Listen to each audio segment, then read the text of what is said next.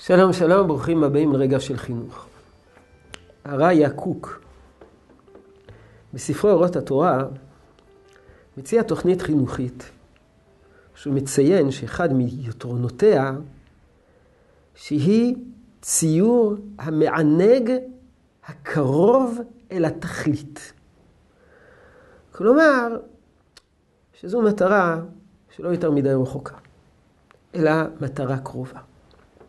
כאשר התכלית רחוקה ומעורפלת, אין חשק, אין מוטיבציה, אין אימון עצמי שאני מסוגל להגיע לשם.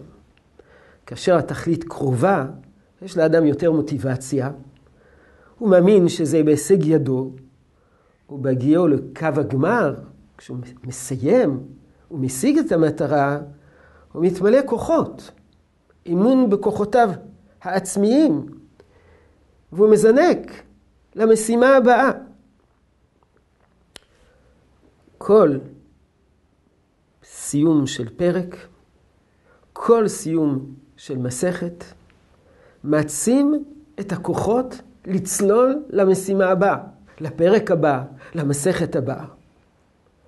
בפני ילדינו צריכים להציב משימות ומטרות קרובות. לא קרובות מדי, אבל ודאי לא רחוקות. על מנת שהוא ישיג, ישמח בהישגיו, יתמלא הערכה עצמית, וזה ייתן לו כוח ומוטיבציה לזנק למשימה הבאה.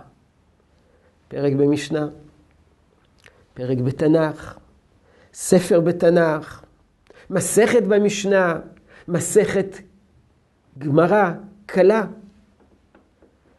ההישג הזה צריכים לחגוג. על מנת להבליט, על מנת להבליט אותו. סעודת סיום, שמחה, עושר. מסופר על רבים מגדולי ישראל שאימותיהן הקפידו לאפות להם מאפים מיוחדים בכל סיום. סיום פרק, סיום מסכת. לפעמים הם הוציאו על כך את פרוטותיהן האחרונות. אבל היה בכך הייתה בכך תרומה כפולה. ביטוי להוקרת התורה, וגם כן ביטוי להוקרת המאמץ של הילד או של הנער. מטרות קרובות, הישגים וחגיגה. זה מה שמעצים, זה מה שמאפשר להתקדם קדימה, זה מה שמעורר את המוטיבציה בשביל להגיע בסופו של דבר למרחקים גדולים. יהי רצון שתשרה ברכה בעבודתנו החינוכית. שלום שלום.